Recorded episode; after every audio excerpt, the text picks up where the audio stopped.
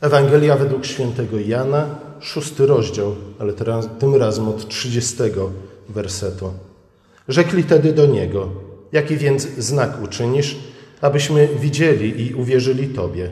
Jakie dzieło wykonujesz? Ojcowie nasi jedli mannę na pustyni, jak napisano, chleb z nieba dał im, aby jedli. Wtedy rzekł im Jezus: Zaprawdę, zaprawdę, powiadam wam, nie Mojżesz dał wam chleb z nieba, ale Ojciec mój daje wam prawdziwy chleb z nieba.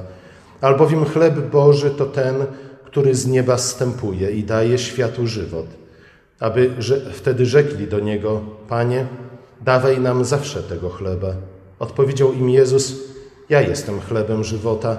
Kto do mnie przychodzi, nigdy łaknąć nie będzie, a kto wierzy we mnie, nigdy pragnąć nie będzie. Oto Słowo Boże.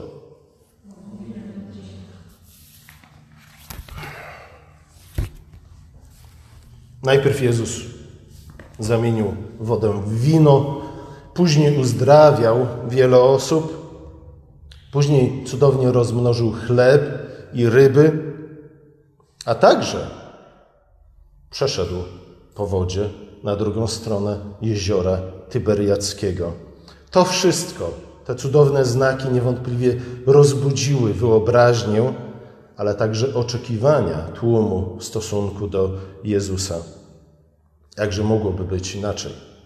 Gdybyśmy my widzieli podobne znaki, na pewno one również rozbudziłyby wyobraźnię, ale przede wszystkim nasze oczekiwania w stosunku do tego, który czyni tak wielkie, cudowne znaki. Tłum jest podniecony i wygląda na to, że nie zrezygnował z pierwotnego planu obwołania Jezusa królem. Jezus przeszedł nocą na drugą stronę jeziora Tyberiackiego, tłum podążył za nim. Całą noc wędrował za Jezusem, całą noc podążał za Jezusem. Czy ktoś z nas kiedyś całą noc podążał za Jezusem? Na przykład w pielgrzymce? Albo cały dzień w skwarze dnia? Na szczęście jesteśmy protestantami i nie musimy robić tak wielkich poświęceń dla Jezusa. Ale zobaczcie, determinacja tego tłumu była przeogromna. Jezus zniknął, a jednak tłum podążał całą noc za Jezusem. Szukał go. Przeszedł na drugą stronę jeziora, dookoła, nie po wodzie. Tego jeszcze nie potrafił robić.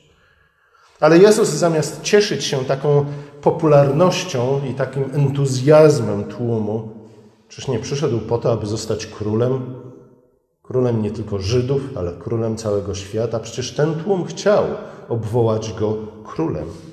Jezus jednak zamiast cieszyć się z takiego entuzjazmu i popularności, gasi ten entuzjazm tłumu, gasi jego emocję. I pierwsze słowa, jakimi się zwraca do nich, po tym jak znaleźli go na drugim, drugiej stronie jeziora, w pierwszych słowach wytyka im złą motywacją. Zaprawdę, zaprawdę powiadam wam, szukacie mnie nie dlatego, żeście widzieli znaki, ale dlatego, żeście jedli chleb do sytości. Tak, widzieli znaki, ale jak to wynika z dalszej części tej historii, absolutnie nie zrozumieli znaczenia i przesłania tych znaków. Poszli za Jezusem dlatego, że napełnili swoje brzuchy. Ludzie chcą króla, który napełni ich brzuchy. My nie mamy królów, ale mamy za to innych władców, nazywanych politykami, członkami rządu, czasami prezydentem. I także od nich tego oczekujemy, zazwyczaj. Jeśli nie, to bardzo dobrze, ale zazwyczaj tak nie jest. Oczekujemy, aż że napełnią nasze brzuchy, że nasycą nasze pragnienia, że spełnią nasze życzenia. Czyż nie po to dzierżą władzę, aby się nami opiekować, jak dobrzy wujkowie, ewentualnie ciocie? Ważne dla tłumu z Ewangelii Jana jest nie to, kim jest Jezus, ale raczej to, co może im dać. W tym pokazują, że nie traktują go tak naprawdę jako króla, nie traktują go tak naprawdę jako pana, którego słów należy słuchać, któremu należy okazywać szacunek i respekt,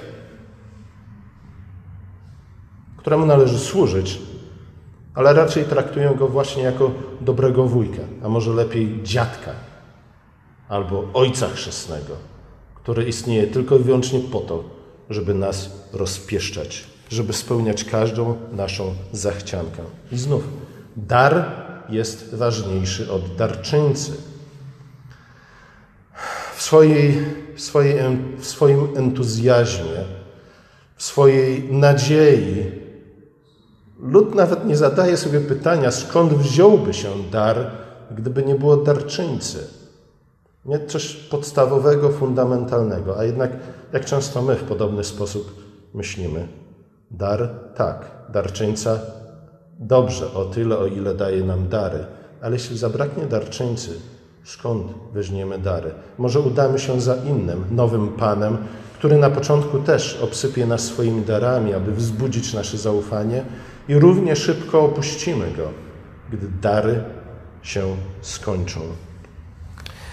Jezus stwierdza, że powinno być dokładnie na odwrót. Dar powinien zwrócić uwagę tłumu na darczyńcę. Znak, jakim było rozmnożenie chleba i napełnienie brzuchów, powinien zwrócić uwagę tłumu na, ten, na tego, który jest prawdziwym chlebem z nieba. To nawet nie chodzi o to, że Jezus ich nakarmił. To nawet nie chodzi o to, że Jezus zaspokoił ich potrzeby. Tu chodzi przede wszystkim o to, że zarówno ten chleb cudownie rozmnożony, zarówno te pełne brzuchy nie są celem samym w sobie. One wskazują na coś o wiele ważniejszego i większego i wyższego i nieskończonego i wiecznego, a mianowicie na Chrystusa, na tego, który jest prawdziwym chlebem życia. Pokarm, który trwa na wieki, to właśnie Chrystus, ten, który daje nam nasz codzienny chleb. Innymi słowy, ważniejsze od tego, co Jezus, Jezus może dla nas zrobić, jest to, kim On jest. Ale jak często zadajemy sobie to pytanie, kim On jest? A jak często zadajemy sobie pytanie, co ja z tego będę miał? Oczywiście ubieramy to bardziej pobożne słowa, ale jednak do tego to się sprowadza. Czy mi pomoże? Czy spełni moją prośbę? Czy odpowie na moją modlitwę? Czy zwróci uwagę na to, że poszczę przez cały tydzień już? Ten, kto prawdziwie szuka Jezusa, nie tylko chce ujrzeć kolejny cudowny znak, ale też nie zatrzyma swojej uwagi na tych cudownych znakach, lecz zada sobie pytanie, pod wpływem właśnie tego cudownego znaku, na kogo ten znak wskazuje. To jest pewien, pewna, pewien brak w niektórych tłumaczeniach Pisma Świętego na język polski, iż znaki, o których czytamy, są tłumaczone jako cuda. Nie? Ale Jan używa szczególnego słowa, kiedy pisze o znakach. I zwrócił uwagę na to, że tych znaków w Ewangelii Jana nie ma wcale tak dużo opisanych, ale Jan używa szczególnego słowa na opisanie tych znaków i właśnie zwraca uwagę na to, że to są cudowne znaki. Ich cudowność nie jest najważniejsza. Ważniejsze jest to, że pełnią funkcję znaku, a jako znak nie są nigdy celem samym w sobie, ale zwracają naszą uwagę na coś. A w tym przypadku raczej na kogoś. Kim jest ten, który zamienił wodę w wino? Kim jest ten, który sprawia, że ślepi widzą, a chromi skaczą jak dzikie jelenie? Kim jest ten, który cudownie rozmnożył chleb? Kim jest ten, który potrafi chodzić po wodzie?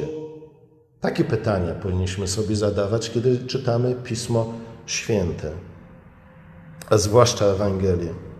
To pytanie o tożsamość Jezusa wybija się na pierwszy plan nie tylko w tej części Ewangelii, ale generalnie we wszystkich Ewangeliach. Kim jest Jezus?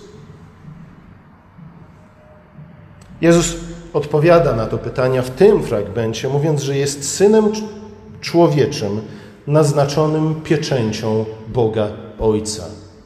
Co chcę przez to powiedzieć? Chcę przez to powiedzieć to, co mówi pozostałych częściach Ewangelii, a mianowicie, że Słowo stało się ciałem i zamieszkało między nami, aby objawić nam jedynego Boga.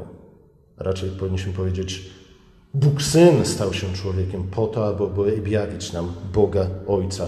To objawienie Boga Ojca jest konieczne i niezbędne do zbawienia. Jan non-stop o tym powtarza. Jeśli poznamy przez Syna Ojca, wtedy dostąpimy żyć, znajdziemy życie wieczne. Jeśli odrzucimy objawienie Ojca w Synu, wtedy odrzucimy ten największy dar, jaki Bóg dla nas przygotował. W pewnym sensie to, że Syn jest pieczęcią, czyli obrazem Ojca, tym, który objawia nam nieskończonego Boga, powinno być oczywiste ze względu na dzieła, które Jezus czynił, a które w Starym Testamencie czynił sam Bóg Ojciec.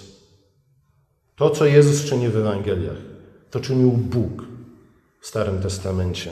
A zatem Jezus jest tym, który przychodzi i czyni te same dzieła, które Bóg wcześniej czynił w historii Izraela, swojego ludu, a przede wszystkim w czasie wyjścia z Egiptu.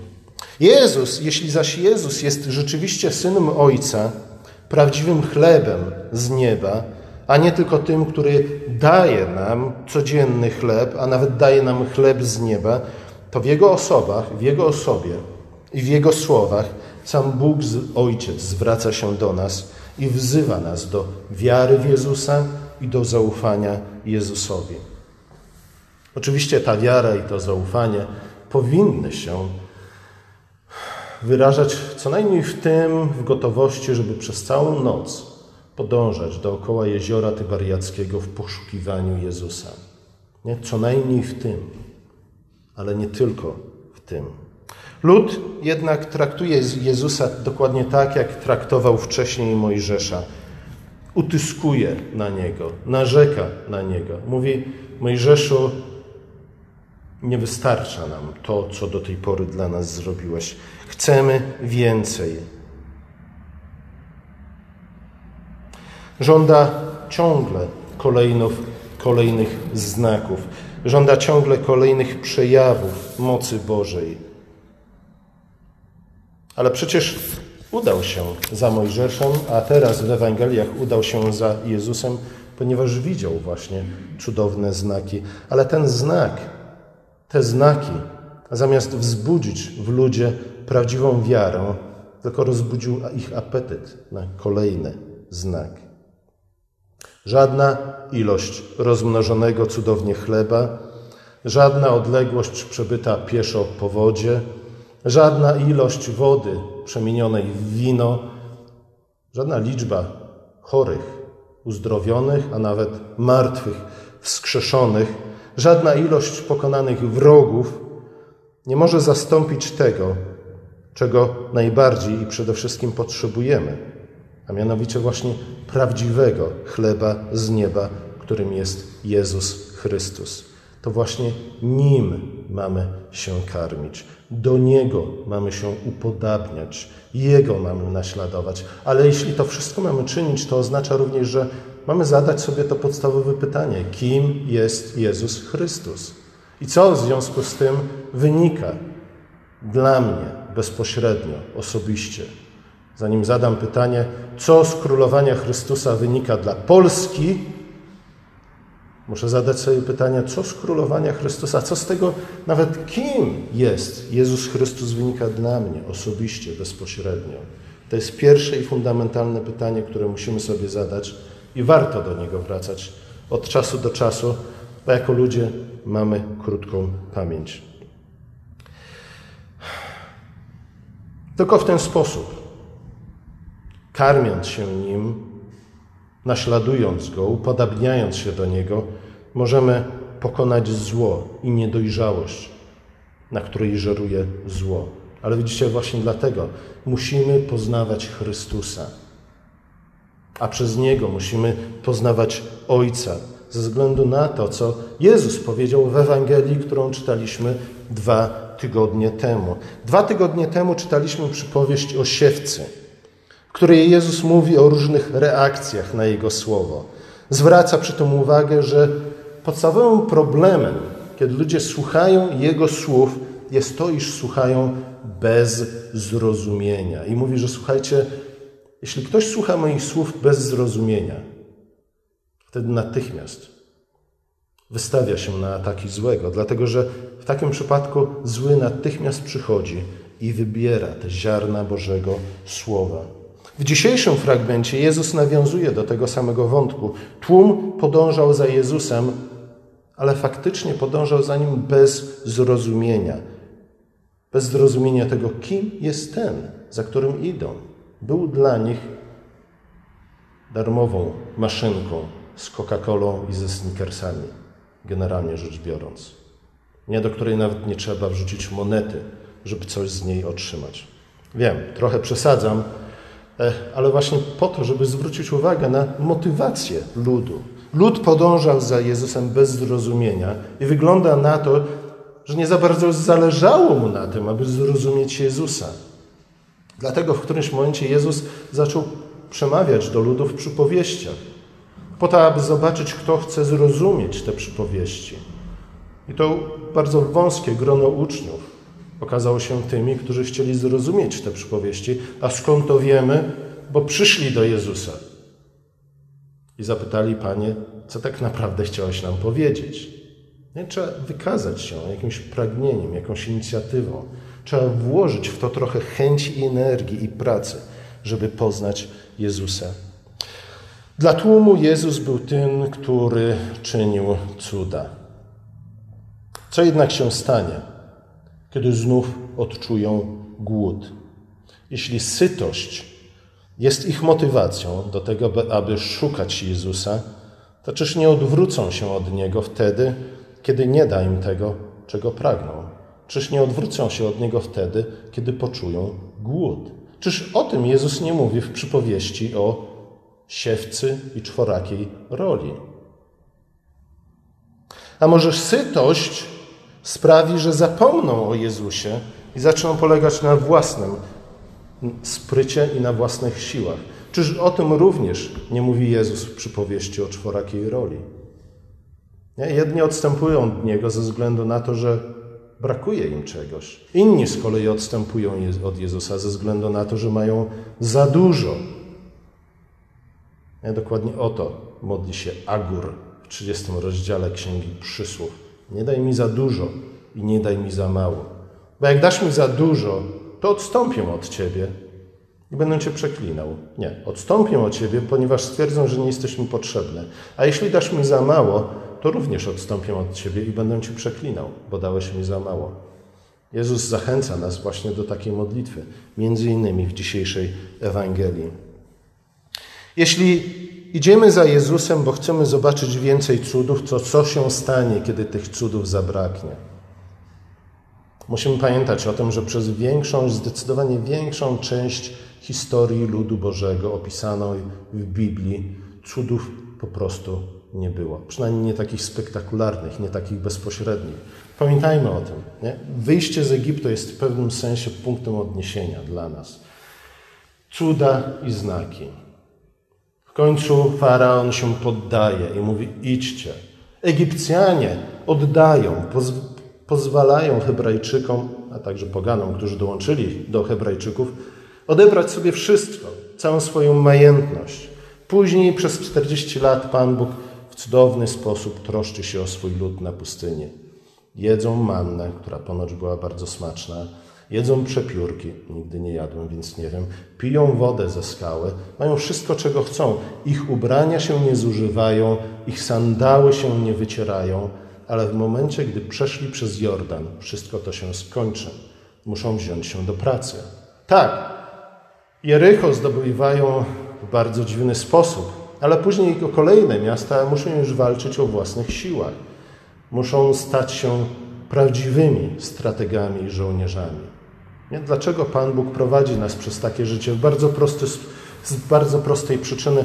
Na początku traktuje nas jak dzieci okazując nam bezpośrednio swoją troskę i miłość, chcąc wzbudzić w naszych sercach wiarę, która jest zaufaniem do tego, który okazał nam miłość. Ale potem chce, abyśmy dojrzewali w tej wierze, abyśmy sami stali się ludźmi zdolnymi do okazania miłości innym. Dlatego pierwsze nasze lata życia z Chrystusem są generalnie rzecz biorąc inne. od pozostałych lat. Nie powinno to w żaden sposób nas dziwić. W tym rytmie przebiegała historia ludu Bożego. Tak, kiedy następował wielki kryzys, wtedy pojawiały się cudowne znaki. Ale wtedy nie? nikt nie powinien nigdy żyć w oczekiwaniu, że całe jego życie, które będzie trwało, nie wiem, 50 lat, może 80 lat, będzie pasmem cudownych znaków. Nigdzie w Piśmie Świętym nie znajdujemy takiego właśnie schematu. Dlaczego? Ponieważ Pan Bóg chce, abyśmy doszli do dojrzałości, ale żebyśmy doszli do dojrzałości, potrzebujemy właśnie wzrastać w poznaniu. W poznaniu Ojca poprzez poznawanie Syna, poznawaniu Jezusa Chrystusa. Koncentracja na teraźniejszych i doczesnych korzyściach wynikających z podążania za Jezusem sprawia, że nie dostrzegamy tego, co najważniejsze i dlatego nie wzrastamy w naszej wierze. Dlatego odpadamy, kiedy pojawiają się próby, kiedy mamy albo za mało i jesteśmy głodni, albo kiedy mamy za dużo, stajemy się syci i z przesytu odstępujemy od Boga. Zawsze w takiej sytuacji, kiedy nie dostrzegamy tego, co najważniejsze, stawiamy się w bardzo niebezpiecznej sytuacji. Zdobywamy to, co teraźniejsze, doczesne, przemijające, zaniedbując to, co wieczne i co najważniejsze. Cóż jednak, pyta Jezus, za korzyść odniesie człowiek, który choćby cały świat zyskał, a na duszy swojej szkodę poniósł. Oczywiście nie ma absolutnie nic złego w tym, że udajemy się za Jezusem, dlatego że uczynił dla nas albo na naszych oczach jakiś cudowny znak. Nie ma w tym absolutnie nic złego. Nie ma złego w tym, że poszliśmy za Jezusem, ponieważ napełnił nasze brzuchy. Nie bądźmy na siłę ascetami. Przyjmujmy z wdzięcznością i z radością dobre dary Boga, dziękując Mu za to, ciesząc się. Przyjmujemy je jako znaki, które objawiają Jego miłość w stosunku do nas. To, że On jest Bogiem wiernym i łaskawym i miłosiernym. W ten sposób budzi się każda wiara. W ten sposób Bóg umacnia naszą wiarę. Ale nie możemy trwać w takiej dziecięcej wierze, dziecięcej wierze przez całe życie, ponieważ musi ona dojrzewać po to, aby dać opór prześladowaniom, albo może po to, aby dać pokór pokusom i troskom tego świata. Właśnie dlatego potrzebujemy zrozumienia, a to zrozumienie pochodzi przede wszystkim z poznawania Chrystusa, ponieważ w nim Bóg, Ojciec, objawił samego siebie, ponieważ On jest pieczęcią samego Boga, obrazem samego Boga. Poznajmy Jezusa. I znów inna przypowieść Jezusa. Jezus mówi o Królestwie Bożym jako o perle albo jako o skarbie. I mówi o tym, jak ludzie, którzy znaleźli albo tę perłę, albo ten skarb ukryty w roli, jak wiele wysiłku włożyli w to, aby je zdobyć. Czy nie powinniśmy przynajmniej połowę takiego wysiłku włożyć w to, aby poznawać Chrystusa, a przez Niego Ojca i w ten sposób wzrastać w wierze, stawać się prawdziwymi, prawdziwymi naśladowcami Chrystusa, a nie tylko tymi, którzy podążają za Nim, bo napełnił ich brzuchy.